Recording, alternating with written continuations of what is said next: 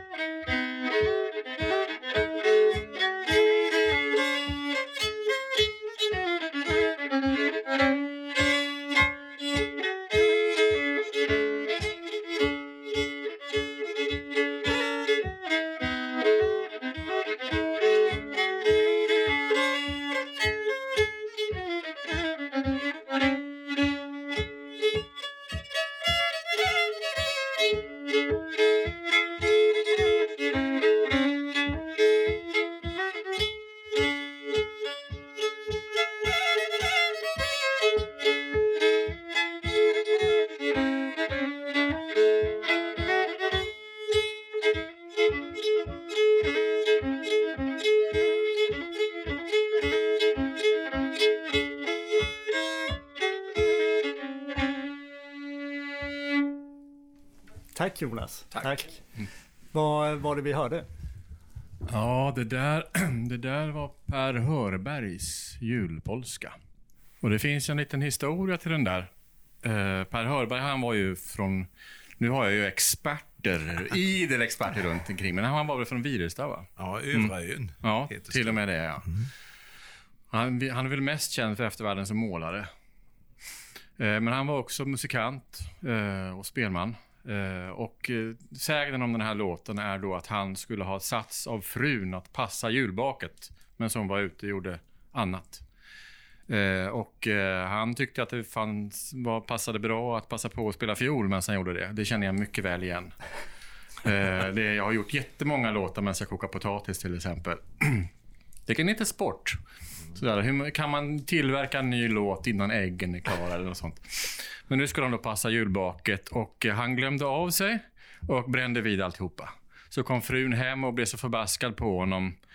Eh, och han eh, tyckte att han fick oförtjänt mycket ovett och eh, drog därifrån. Och istället så gick han hela vägen till Baron De Geer, om jag inte minns fel. Och så tillbringade han julen hos honom på det fina stället. På vägen dit så funderade han ut den här låten.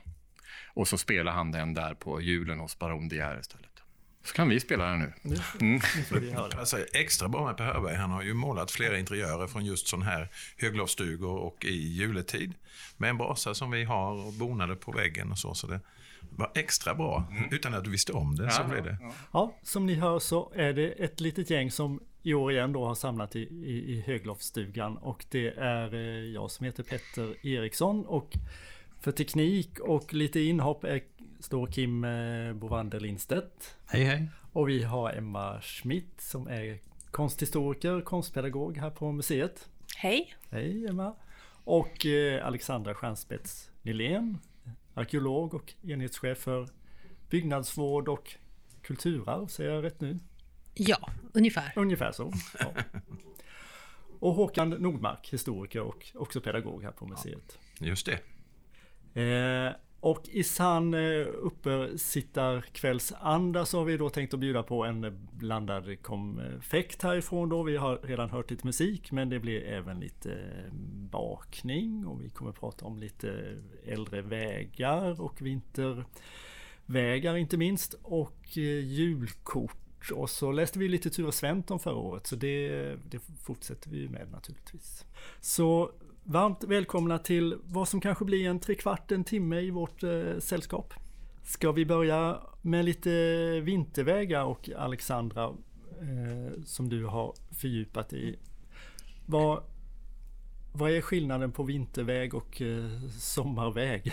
Ja, men jag tyckte, tyckte att vi, vi, i alla fall vi som har bott i den här delen av Sverige, har ju de senaste veckorna verkligen fått känna på det här med vintervägar. Det har inte varit så mycket snö på länge ju, så att plötsligt så fick vi liksom tackla de här vintervägarna.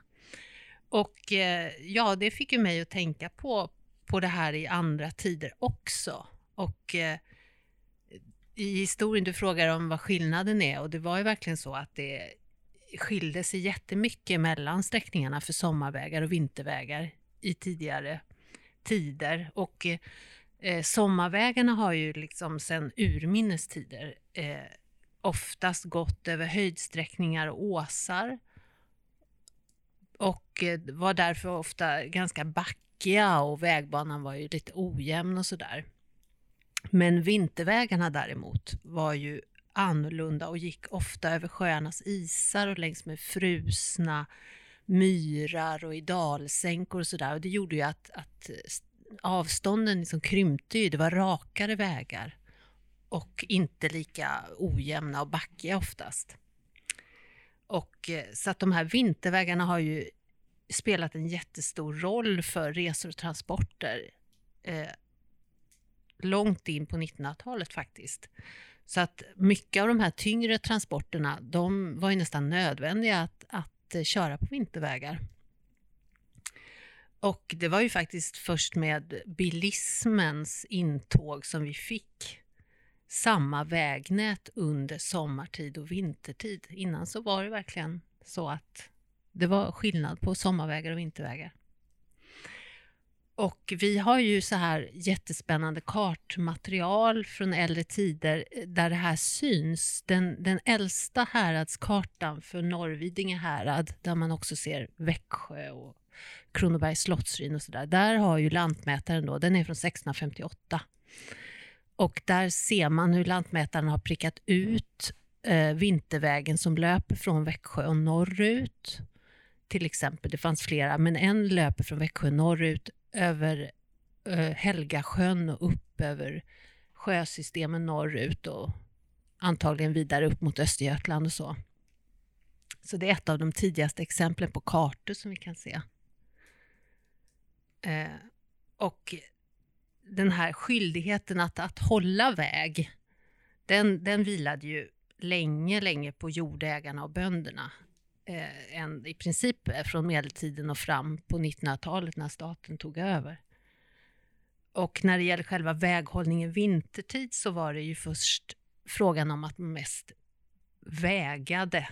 Alltså man man banade väg i snön med släde och, och häst för att liksom få, få en platt yta sådär. Men sen framåt 1600-1700-talet så nämns, börjar plogning nämnas för första gången. Snöplogning och så småningom pratar man om ploglag och en plogfogde och sådana saker som liksom samlades då när, när det behövdes. Och eh, det här om vem som ägde eh, vilken del av vägen, det, det markerades med såna här väghållningsstenar och det var den som ägde vägstumpen då som var tvungen att, att se till att den här blev skött.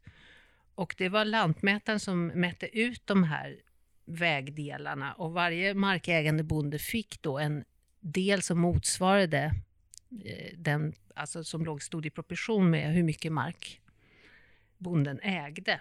Och det här systemet liksom, det vidhölls långt, eh, en bit in på 1900-talet. Och man kan ju fortfarande idag se en del sådana här väghållningsstenar som markerar de här ägogränserna. skötselgränserna också för den delen. Och ibland är det stenar, ibland är de av trä och, och de där ska man vara rädda om för de är fornlämningar faktiskt.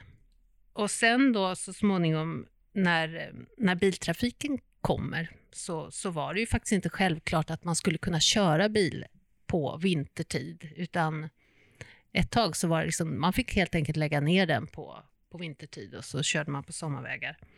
Eh, så att det var först, eh, ja, det var först på 20-talet som man började liksom se till att ploga vägar om de var uppmärkta och så. Och så småningom kommer ju då också själva eh, den här halkbekämpningen.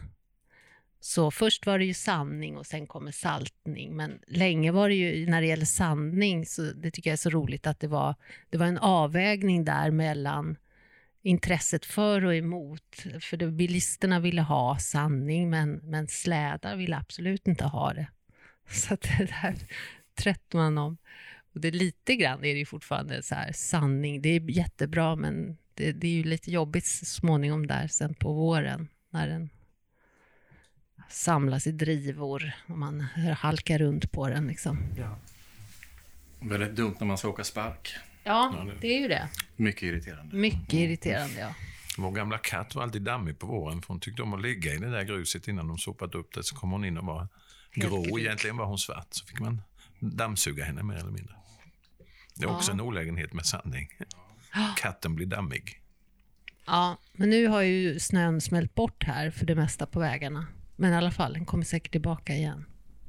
När du har tittat tillbaka, har du fått en uppfattning om hur länge, alltså hur, hur, lång, hur många månader på vintern eh, var de här bönderna skyldiga liksom att, att hålla sin Ja, men det var ju liksom ett, det var ju ett gummiband. Alltså de var bara tvungna att göra det oavsett hur långt och kort. Men jag vet inte riktigt. Det, det får vi...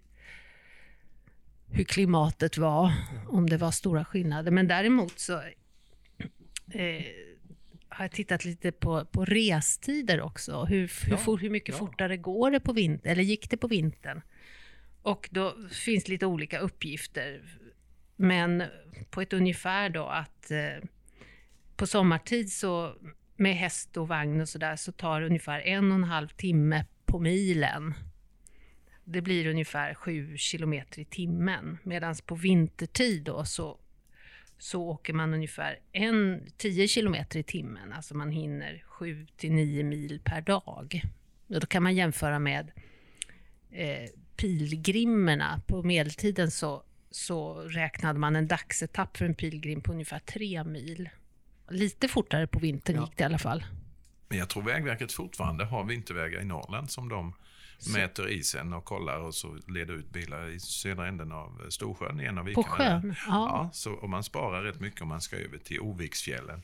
Jag tror du sparar en timme nästan när den, och det är Vägverket då som garanterar den vägen, men de kör på isen.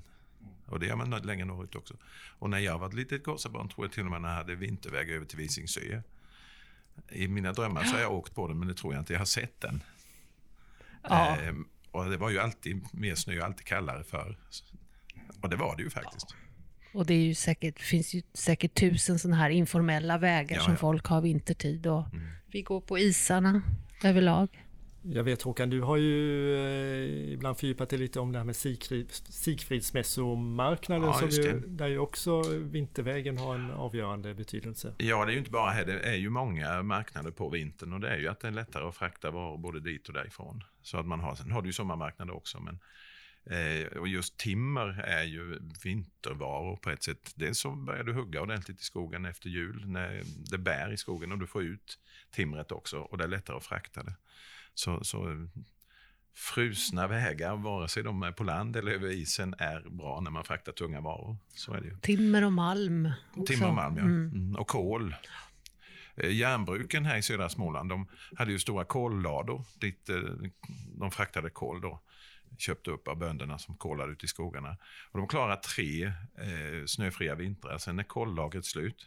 Och då kan de inte smälta mer malm, utan det måste vara vin- vintertid. Så många bilder man ser när kolare är ute är också vintertid. Man kolar gärna på vintern för det sprider sig inte eventuell brand så lätt och när kolen har svalnat så för man iväg den direkt till bruken eller där de ska. Så det har ju varit väldigt viktigt långt fram i tiden. Ja, och i, här i Småland har vi mycket sjömalm också som Ja. samlades på vintrarna. Eh, Det var då man gick ut och borrade hål i isen och skrapade upp från botten. Ett fruktansvärt kallt, otäckt arbete. De får gömma sig bakom risskärmar så de inte blåser bort. Det ursäktar mig. Jonas, eh, kan du värma oss med lite eh, musik så ska vi... Ska vi se om vi kan baka kakor därefter. Trevligt.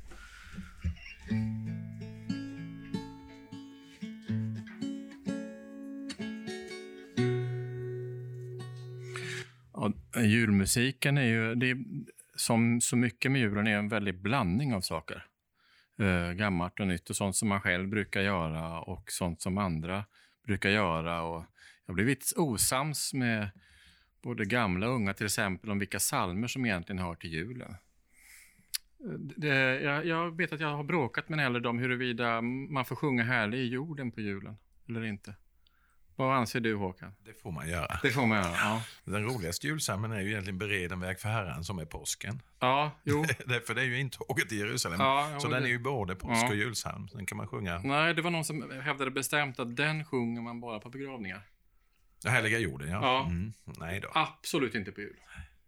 Eh, men det är för överlag tycker jag många utav julsångerna som är som man kan inte sjunga dem annars. Så därför så kom, det är svårt att öva på dem. men jag tänkte sjunga en, eh, en av Dan Anderssons visor. För att den, den är ju fin.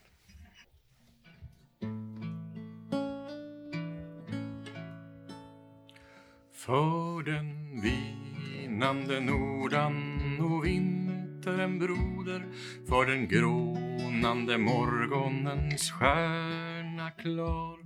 För vårt hem och vårt land och vår bedjande moder.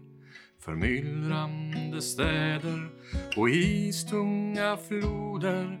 Vi höja vårt stop och för kommande dagar.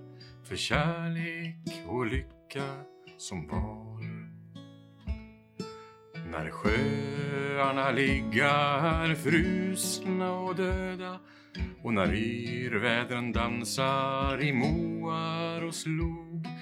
Vi dricka och drömma om bäckar som flöda och minna oss terva lax solnedgång röda och gårdar som lysa bland åbrodd och lilja och skuggor som dansa i skog.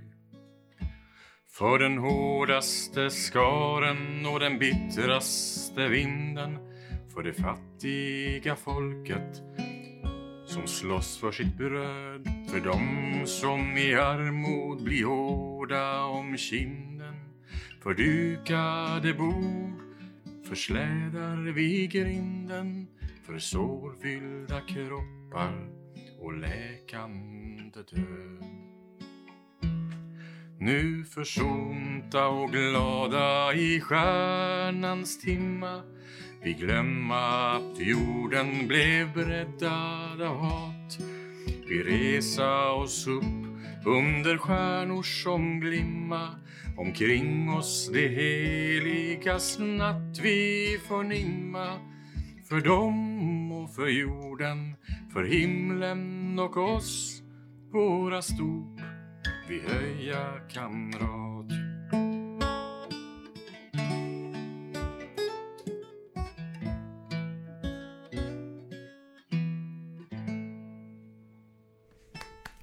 Åh, vad fint. Ja, mycket. Ja, Håkan Nordmark, nu är det dags för årets julbak. Ja, delar av det i varje fall. Delar av det. Ja. Du får börja berätta vad det är du har tänkt och göra och så får vi försöka förmedla detta då Ja, i, det. i ord när vi, när vi inte har bilden med oss. Ja, Tanken är i och med att vi är, i, är här i höglovsstugan att eh, baka utan ugn. Vi har ju en stor, stor bakugn för all del, men då måste man elda elda som en tosing i den. Och det är egentligen bara för bröd, men kakor kan man inte baka i den, det funkar inte. Eh, och då tänkte jag helt enkelt baka utan ugn. Och det var ju så man fick göra när man hade en öppen spis som vi har här eh, trefotsgrytor eller sådana treben som man lägger och ställer saker på. Och så fick man då flottyrkoka flera kakor och de är ju då egentligen bara kvar vid jul. De klassiska är struvor och klenetter och det är klen, klenor som de säger i Skåne vi ska göra idag. Och bara ordet är ju roligt. Det är samma ord som klenod, den lilla goda värdefulla saken. Och det är ett germanskt ord faktiskt. Eh, tyska klein, liten. Men klenod och klenett är samma sak. Det kan vara bra att tänka på när man äter de här goda. Och det är väldigt enkel deg. Det är mjöl, det är socker, det är äggulor och det är smör. Sen är det i lite rivet citronskal och så kan man ha i konjak, konjak också. Och den försvinner ju, så den, den behöver man inte vara rädd att man blir berusad av, utan den försvinner. Och den blir lite sprödare om man har det, men jag har inte i konjak idag för att lura i är det. Jag får inte göra det, säger de särskilt när jag bakar för små barn. Så här har jag en färdig deg. Ja. Så jag har gjort som Ria Wägner alltid gjorde, hon hade något förberett att ta upp. Men degen skall vila och den ser ut som en blek pepparkaksdeg kan vi väl säga. Ja, en mördeg, smördeg eller ja. vit eh, kakdeg. Och... och eh, konsistensen är också väldigt peppardegsaktig. Eh, nu ska jag ta ut lite mjöl här och lägga ut, för nu ska jag baka ut den. Och bakom oss så sprakar ju brasan och där står det en trefotsgryta i vilken vi har lagt kokosfett som nu är smält. Förr bakade man ju dem då, eller flottyrkokte dem eller friterade dem vad man vill kalla det, men flottyrkoka i flott eller ister, så de var mycket mer rustika förr i världen. Kokosfettet är väldigt snällt fett kan man säga. Ska vi se om jag klarar av att baka ut det här. Hur tycker du det går Petter? Ja du kavlar eh, fint där jag, jag står mest och tittar på och känner mig lite allmänt eh, handlingsförlamad. Har du haft degen i kylskåp då? Liksom? Degen har legat i kylskåp sen igår ja. Och så finns det ju olika kavlingstekniker. Jag använder ju de här fåna handtagen på, på kanten eller på sidan av kaveln utan använder handlovarna för att rulla med. Och den ska bli ungefär så tunn som en pepparkaksdeg, inte riktigt lika tung. Tunn heter det, inte tung. Jag tycker också det är tjusigt bakbord du har Håkan. Är det, är det något som kommer här från museet? Eller har du... Ja, det har vi faktiskt köpt på den pedagogiska avdelningen för att ha. Det är ju tre spontade brädor och en ram kan man säga. Ett gammalt klassiskt bakbord mm. som ännu på 50 och 60-talet var i många kök faktiskt. Inne i det här lådsystemet så fanns det dra ut en skärbräda fast mycket tunnare än den här. Då. Men det här är gammalt fristående. Nu är det ju rätt mycket mjöl på degen. Ja. Och det vill man inte ha när man friterar eller flottyrkokar. Så tar man sin lilla borste och borstar rent degen. Så får man bort mjölet. Båda, båda sidor. Båda sidor. Det gör inget att det kommer lite på mina skor. De, de kan jag putsa sen. Så, sen har jag min sporre. En väldigt snygg sporre tycker jag för den är själva sporren är utav ben. Snyggt karvad, mm. skuren. Och så gör man långsmala remsor. Som är ett, ska vi par, säga? ett par centimeter breda ja. och en 15 centimeter långa kanske du får Ja, det ser ut som väldigt bred sån här bandspaghetti. Ja. Den har säkert något fint italienskt namn. Och så blir de ju lite eh, taggiga i kanten när man har sporren. Och sen gör vi små bitar av de här. Vad ska vi säga att den är lång? 6-7 centimeter eller? Ja. Nej, den är nog mer. Ja, du skar av den liksom lite snett sådär. Ja. Du delade varje remsa i tre delar. Ja. Och så gör man ett litet hål i mitten med sporren. Och öppna upp den så här fint. Och nu är, kommer det roliga, då är att vränga dem. Ja, de är snygga. Du stoppar in änden i hålet och drar ja. ut så det blir som en liten ja, de, snäcka. Ja, så de flesta som har sett klenetter vet ju att de är liksom, det kanske heter vrida dem, men jag säger vränga. Bara en ena spetsen? Ja, man kan göra båda. Kan man det? Ja, ja det kan man. Får man eh, testa att göra en Håkan? Ja, du får testa. Kom fram. Kom Emma. Då ska jag se om Jag har förberett den här Just det, kan du hålla den då? Eller behöver, visst behöver jag två då händer? Jag, försöker jag hålla en mick till dig här. Mm. Vill du visa igen Håkan, hur var det du gjorde? Om du tar den. Jag tar den. Och så visar jag dig här nu igen. Öppna det lilla hålet. Mm -hmm. Sticka i spetsen. Och så bara dra runt den. Fortsätt lite till. Jag vet inte riktigt, det liknar inte, den, Ja, den liknar inte din. Ja, men du får ju lägga till den lite. Så, Jo då. snygg. Ja, Den blir bra. den blir godkänd. En till. Jag testar en till. Ja, jag tar Ja. den här. Mm. Och så spetsen genom hålet och sen vränga till. Ja, ja, men tycker det du om den? Bra. Det är bra. Den är snygg. Nu ska jag prova om em, kokosfettet är tillräckligt varmt. För förr hade man ju ingen em, termometer, vare sig elektronisk eller med någonting. Då tar man bara en liten degbit och lägger i. Just nu ser det ganska varmt ut och den här kokaren, eller eh, grytan har stått vid den öppna spisen i en timme, en och en halv nu ungefär har vi nog smält. Nu bubblar det. Det smakar inte kokosen då? Du får smaka, Ja. får prova. Ja, men titta här, den flyter upp så fint. Snygg slev, har du gjort den själv eller? Det är egen tillverkning av slev. Jag ägnade mig åt luffarslöjd. Jag har gjort den i ståltråd här. Den är väldigt snygg. Jag är mycket nöjd med den. Här har jag fått upp en liten bit nu. Och den är ju lite, ska vi säga, gyllenbrun. Eller vad säger du Petter? Ja, det ser ut som, eh, ja men lite som en donut skulle man väl kunna... Det skulle man kunna säga om man vill använda sådana dumma ord. Som en donut. Du menar en munk? Som det heter. Ja, det är kanske olika munkar. De är ju fyllda. Jag blev lite osäker på vilken, eh, vad vi, vi- vilken ålderskategori vi hade våra lyssnare men jag Jaha. tänker att vi har väl en blandad lyssnarskara. Ja. Så nu lägger jag i eh, fem åt gången kanske. Och det är ju för att inte kyla ner eh, fettet. Så nu lägger jag i dem. Ska vi se. Ska vi hålla mikrofonen här? Höra om det bubblar. Ni alla får vara tysta höra om ni hör att det bubblar.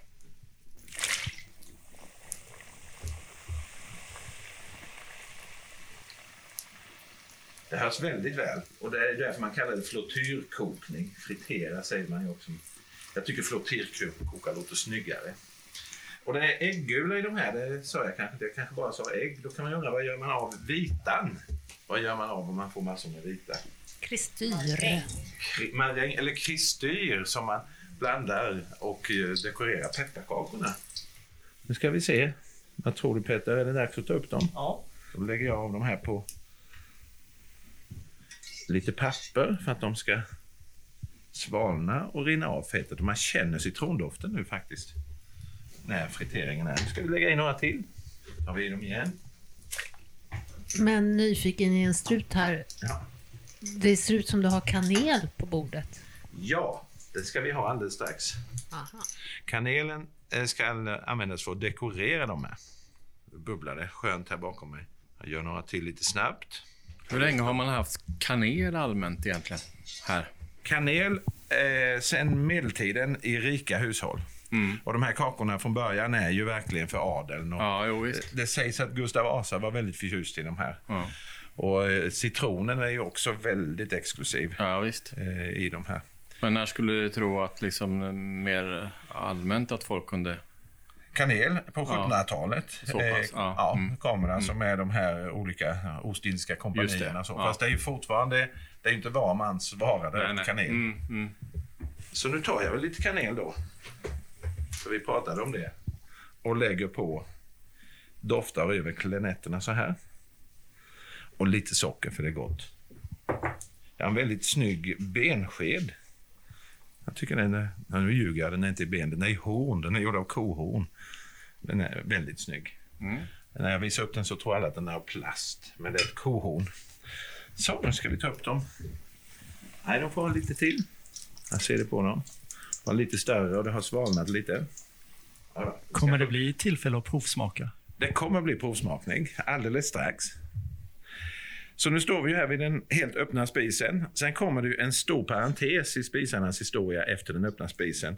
Vid mitten av 1800-talet så stänger man in elden och det blir ett helt annat, alltså de här järnspisarna helt enkelt, gjutjärnsspisar. Och de är ju en fantastisk parentes. De finns egentligen bara i 100 år men de sitter fast i vårt medvetande och i stugor överallt. Men det man gör då är ju att man stänger in elden men man stänger in ljuset också. Och då måste man ha en ny upplysning och det är fotogenlamporna som kommer att bli jättestora då. Annars var ju den öppna spisen allt. Den var värmen, den var matlagningen och den var ljuset. Och det är ju långt fram i tiden. De flesta av oss kommer väl ihåg när i Emil i Lönneberga när de sitter runt den öppna spisen och arbetar på hösten eller nästan på vintern och stackars Alfred skär sig i tummen och får blodförgiftning. Ja, det var precis som man gjorde. Man bodde i köket där vi är, för här var det varmt. Så här kunde ju bo väldigt många inne i ett kök som vi är i nu.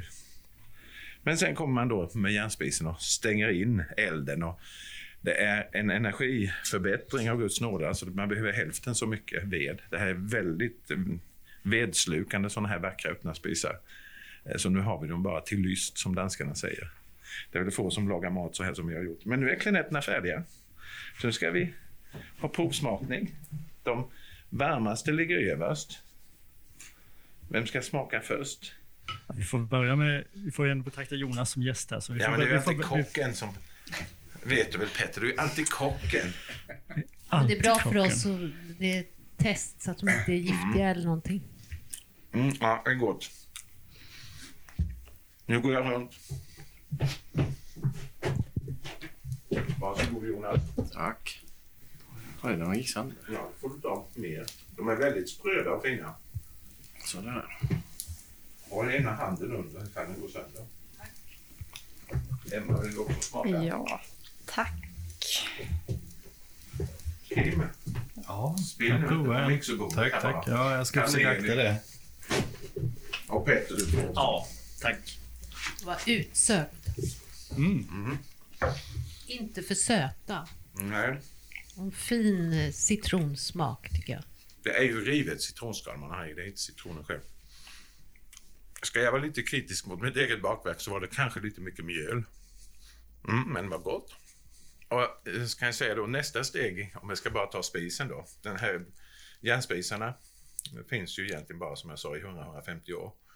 Eh, uppfinns mitten av 1800-talet men det blir inte fulländade förrän mot slutet av 1800-talet och då är det ju Huskvarna och några Hammar som är ledande. Så det har tillverkats hur många som helst. Jag tror det är ungefär 20-25 delar som man sätter ihop till en gjutjärnsspis. Och så kunde man köpa besparingsspis på sommaren som man satte uppe på. Eller behövde inte elda så mycket om man bara ville koka sig lite kaffe och sådär. Men sen kom ju elspisarna. Och då fick de olika elbolagen runt om i landet ha kurser i elektrisk matlagning. Jag hade bland annat VEAB här i Växjö. Växjö Energiaktiebolag hade för husmödrar naturligtvis kurser i elektrisk matlagning. För det var ju något helt nytt, något helt annat.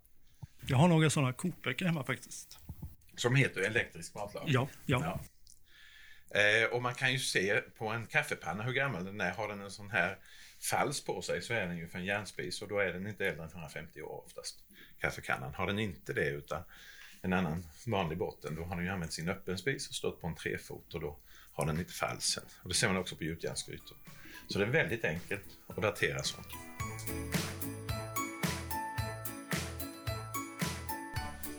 Men då är vi tillbaka efter lite kaffe och eh, Håkans klenetter här. Hoppas ni har hittat lite glögg eller något annat gott där hemma. Nu tänkte vi passa på att prata om julkort med dig Emma. Ja, Ja, men vi får väl börja från början. När börjar man skicka julkort? ja, den här traditionen den uppstår i Storbritannien på 1800-talets, ungefär 1800-talets mitt.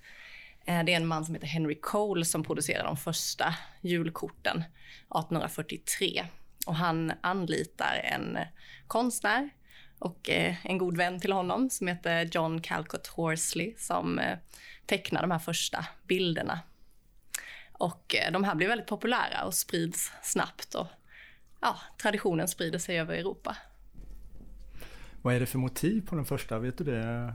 Eller på de Ja. tidiga kanske man kan säga. Då. Ehm, Det här allra första motivet är liksom något som vi fortfarande idag tänker som ett ganska klassiskt julkort. Det står God Jul och sen så är det ehm, motivet uppdelat i tre fält. I, det mittersta fältet så ser man en familj som sitter vid eh, middagsbordet och eh, äter sin julmiddag.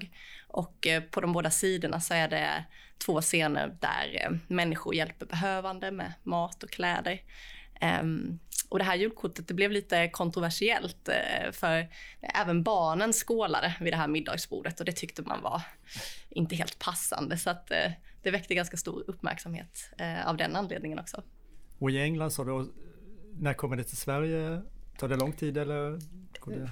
det, I Sverige började man skicka julkort i slutet av 1800-talet. Um, och först så importerar man danska och tyska julkort. Eh, men de första svenska julkorten de produceras eh, 1894 av Axel Eliassons förlag. De här första julkorten de var ofta väldigt påkostade eh, och ja, men, omsorgsfullt illustrerade. Lite glitter, ibland lite sidenband. Ibland var de tryckta i sånt här lite hårdare papper med relieftryck. Och man kan ju verkligen förstå liksom, människors glädje och förundran över de här bilderna. För det här var ju en ganska bildfattig tid. Ja. Um, inte som idag när vi liksom översållas av bilder. Utan, um... Jag förmodar att det är svårt att prata julkort utan att komma in på Jenny Nyström. Ja, precis. Eh, hon, eh, eh, hon var ju faktiskt den svenska konstnären som anlitades ehm, eh, för att göra de här första svenska julkorten. Eh, och jag har ju letat fram lite julkort i våra eh, samlingar ah. och, och, hittat ett julkort ehm, av henne, bland annat. Ehm, och det julkortet som jag har fått fram det är, föreställer en liten flicka iklädd sina finaste Eh, vinterkläder, en blå eh, kappa eh, och mössa och röda byxor och vantar. Och så håller hon en bukett blommor i handen som hon lite räcker fram som för att ge till mottagaren av det här julkortet. Så står det God Jul och en liten vers. Det var också ganska vanligt att det var en bild och en liten vers. Ehm, ska jag se om jag kan läsa den här. Tag min enkla bukett och på julbordet sätt att den där måtte hälsa från mig och om än den syns arm med en hälsning så varm, dock må komma i afton till dig.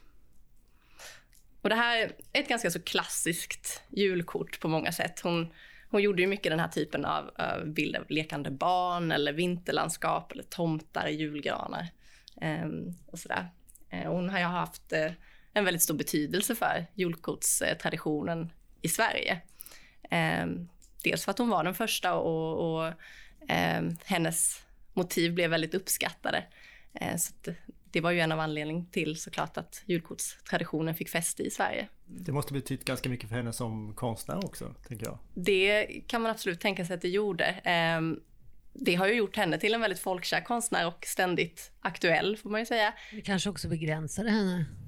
Alltså att hon ja. blev förknippad med någonting som hon inte kom ifrån säkert. Ja, eh, men det ligger någonting i det. För hon var ju, när hon fick det här uppdraget, då var ju hon redan en etablerad konstnär. Eh, egentligen eh, utbildad vid konstakademin och hade ställt ut i, på salongen i Paris, som ju vid den här tiden var den främsta utställningsinstitutionen för konstnärer. Så hon var ju en etablerad konstnär. Eh, men det är ju framförallt julkorten som hon är ihågkommen för. Eh, och hon kommer ju att fortsätta göra julkort hela sitt eh, liv egentligen.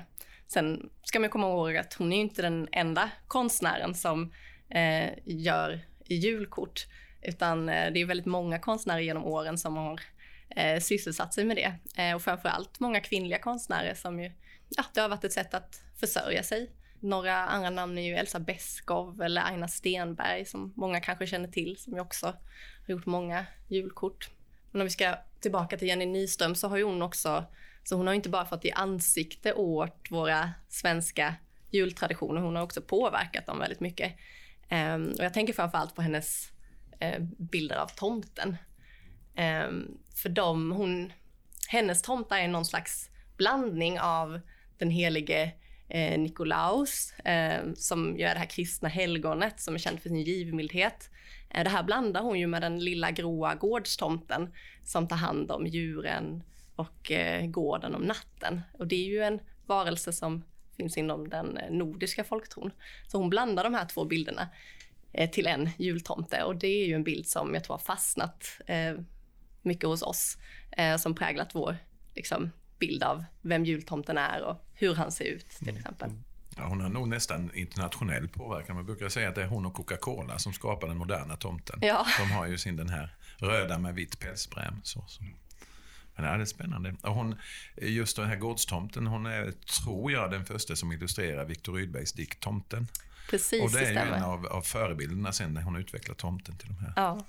Och det är ju den lilla gårdstomten som går som är tusen år gammal och ser till djuren. Och vad är tid för någonting? Och människorna dör, det gör inte jag och jag går omkring här. Och så. så den är ju inte så gullig, utan Nej. den är ju väldigt eh, filosofisk på många sätt. Mm. Ja, men det har påverkat bilden av jultomten eh, jättemycket. Har du andra exempel på motiv förutom det här, om vi kallar det då, det här klassiska Jenny Nyström-motiven?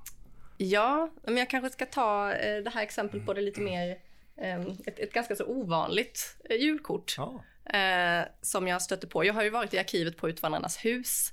Eh, där finns ju en stor brevsamling eh, där det också finns väldigt mycket julkort då såklart. Och jag har egentligen bara tagit fram några exempel därifrån.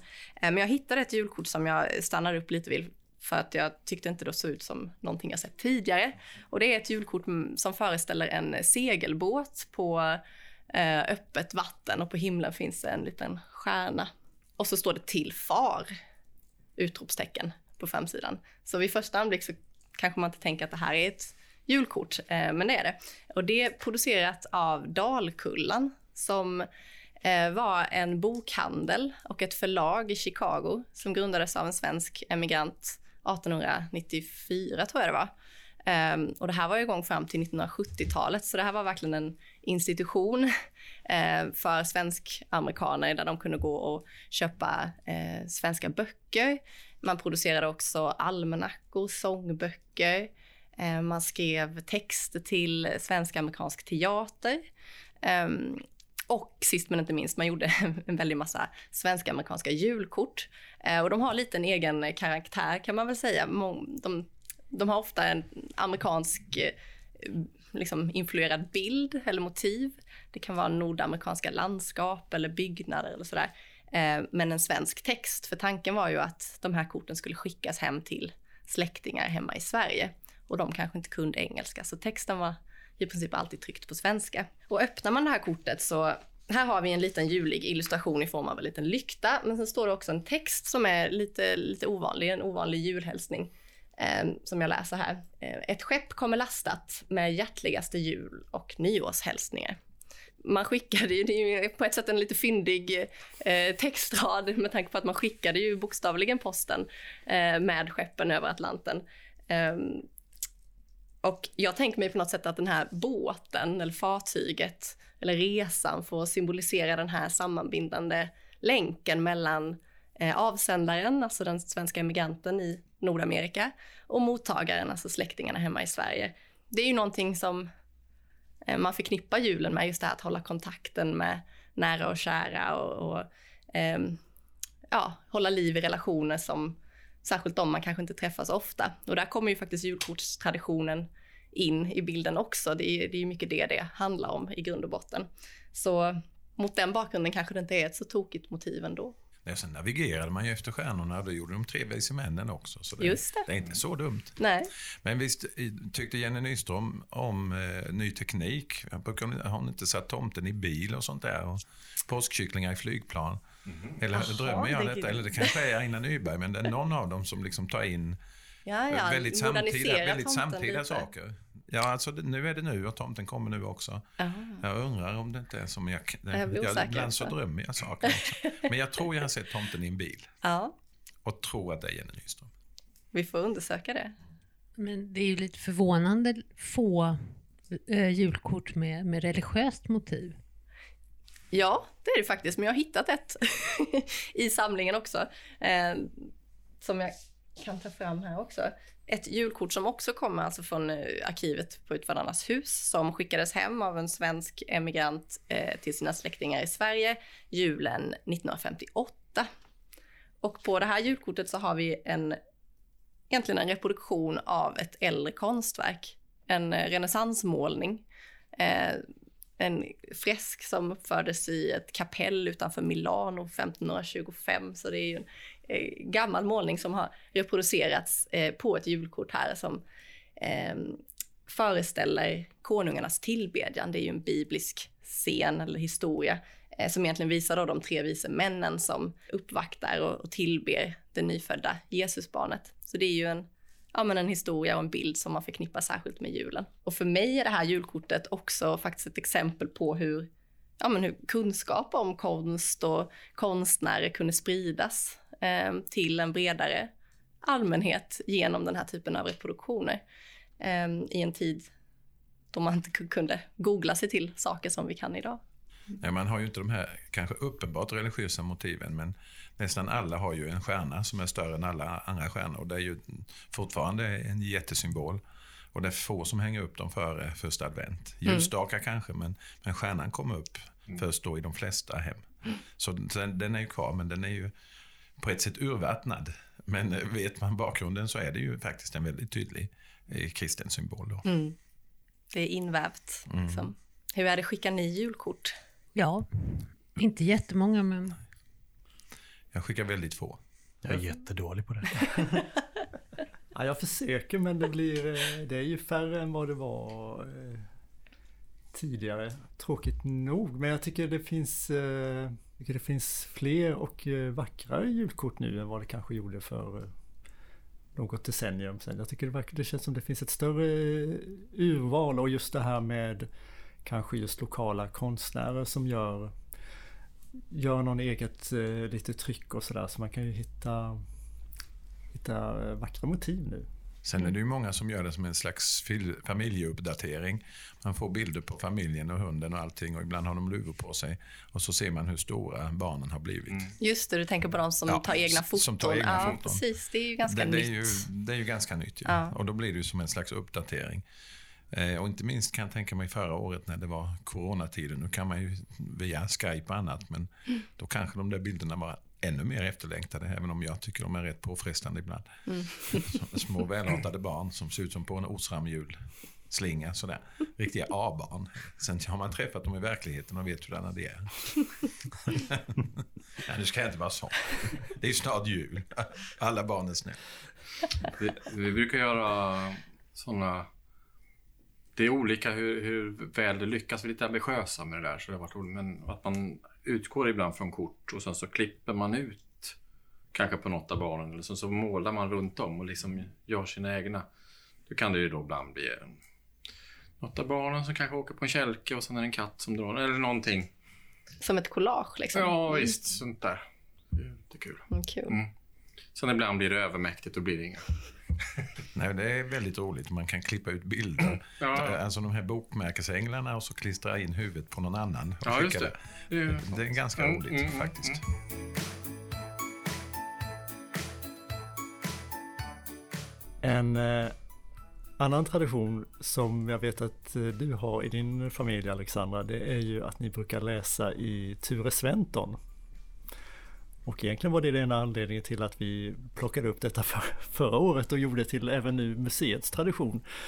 På något vis tänker jag att det hänger ihop med en del av det som har sagts under kvällen här att vi, eh, julen, det är ganska mycket att blanda och ge och nya traditioner och traditioner som kommer från eh, lokala sammanhang och ibland är det inlån från internationellt och så vidare. Och I den där blandningen så passar även Ture Sventon och hans jul in, tänker jag. Ja, så hur mycket vi än älskar Småland och småländsk jul så tycker vi också om julen på Drottninggatan i Stockholm. Mm. Där Ture Sventon har sitt kontor.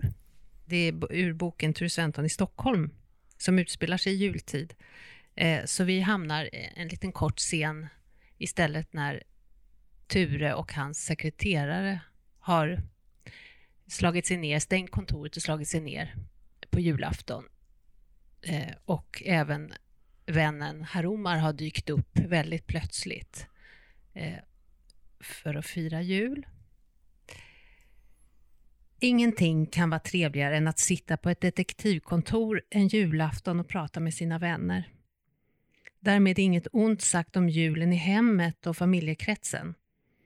Frågan är i alla fall om det kan tänkas något hemtrevligare än en julaftons eftermiddag på ett privat detektivkontor som är stängt för helgen. Att sitta där och prata med sina vänner medan snön faller över Drottninggatan, grenljuset skimrar och fröken Jansson sätter på en påtår. Man tänder en god julcigarr och dricker ett antal påtårar. Var och en som någon gång har tillbragt en julaftons eftermiddag på ett privat, välskött och stängt detektivkontor vet vilken enastående julstämning som sänker sig över lokalerna. Och till slut, innan man bryter upp och önskar varandra god jul, öppnar man julklapparna. Man börjar med ett väl inslaget arabiskt paket och den lätta doften av husdjur blev fullt märkbar. Jag bad i basaren att man godhetsfullt skulle slå in mina ringa julgåvor starkt och hållbart eftersom jag skulle resa långt, sa herr Omar. Utmärkt, sa Sventon och bröt av en nagel på snöret. Första sträckan fraktade jag mina ringa gåvor framför mig på min kameljuvel, sa herr Omar. Ah, på så sätt, sa Sventon. Och nu visste både han och fröken Jansson att det var kamel som det doftade av de österländska paketen. Det var mycket hemtrevligt. Om man blundade tyckte man sig höra palmerna rassla. Man tyckte sig se ett soligt sandhav. Ja, visst, herr Omar har ju en kamel, sa fröken Jansson och fick äntligen upp sitt paket. Jag har tre, sa herr Omar med en anspråkslös bugning. Juvel, rubin och smaragd. Fröken Janssons paket innehöll lite äkta arabiskt kaffe i ett skrin med inläggningar och Sventon fick en liten kontorspalm i kruka. Sen fick de var sin arabiska kaffekopp som var ovanligt liten, till och med för att vara liten. I nödfall kunde dessa praktiska koppar begagnas som fingerborgar. Sen fick herr Sventon ett paket tystgående och röksvag ammunition av orientalisk tillverkning till sin tjänstepistol och fröken Jansson fick en kamelklocka. Kamelerna har nämligen klockor på sig när de skrider fram genom öknen så att man ska höra när de kommer. En sån klocka fick alltså fröken Jansson till julklapp av herr Omar. Sen öppnade fröken Jansson herr Sventons bok Paket det innehöll ett värdefullt arbete som hette Hur man blir en perfekt sekreterare. Fröken Jansson satt först alldeles tyst. Sen sa hon Jag har verkligen alltid försökt göra mitt bästa. Jag minns att jag redan från början Det minns jag också, sa Sventon. Och det lyckades ju. Perfekt. Det här skulle vara en liten minnesgåva från flydda dagar, fröken Jansson. Fröken Jansson öppnade första sidan och Sventon sände ut ett rökmoln från sin julcigarr. Tack. Då eh, återstår egentligen bara för oss att önska en eh, riktigt god jul och gott nytt år. Hoppas att vi eh, ses på museet under 2022 och vi kommer ju naturligtvis fortsätta med vår podd i alla fall en gång i månaden är planen att släppa ett nytt avsnitt. Och det är ju inte bara jul och nytt år, det är ju trettonhelgen också. 13 som min helgen. farmor hade alltid hälsningen när det var trettondagskalas, att lycka till god trettonhelg, sa hon. Och det är en hälsning man inte hör så av. God jul och gott nytt år, men lycka till god trettonhelg. Den är bortglömd, så den får vi införa, tycker jag. Vi får plocka upp den, ja. Mm. Jonas, vi har bett dig och avsluta kvällen. Och kanske med lite assistans från eh, oss andra här i eh, under rubriken Hellre än bra kanske.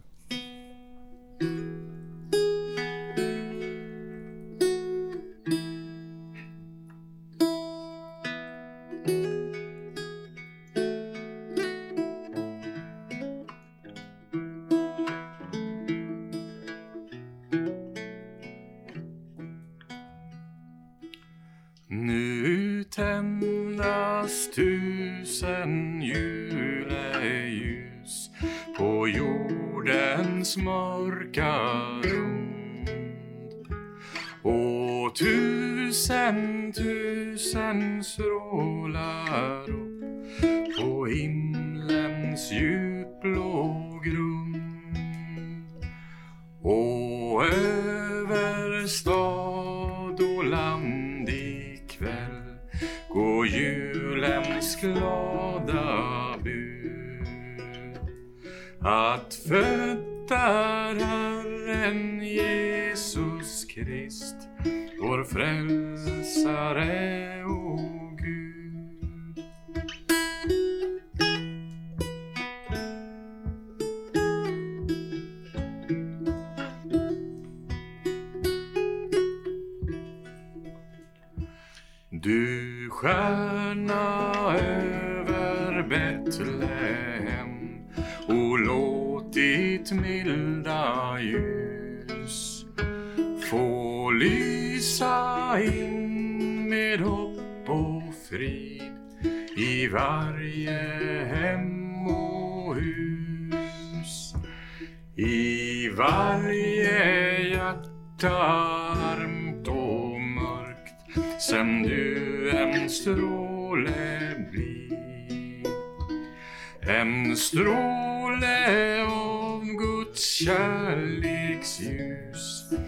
Välsignar i.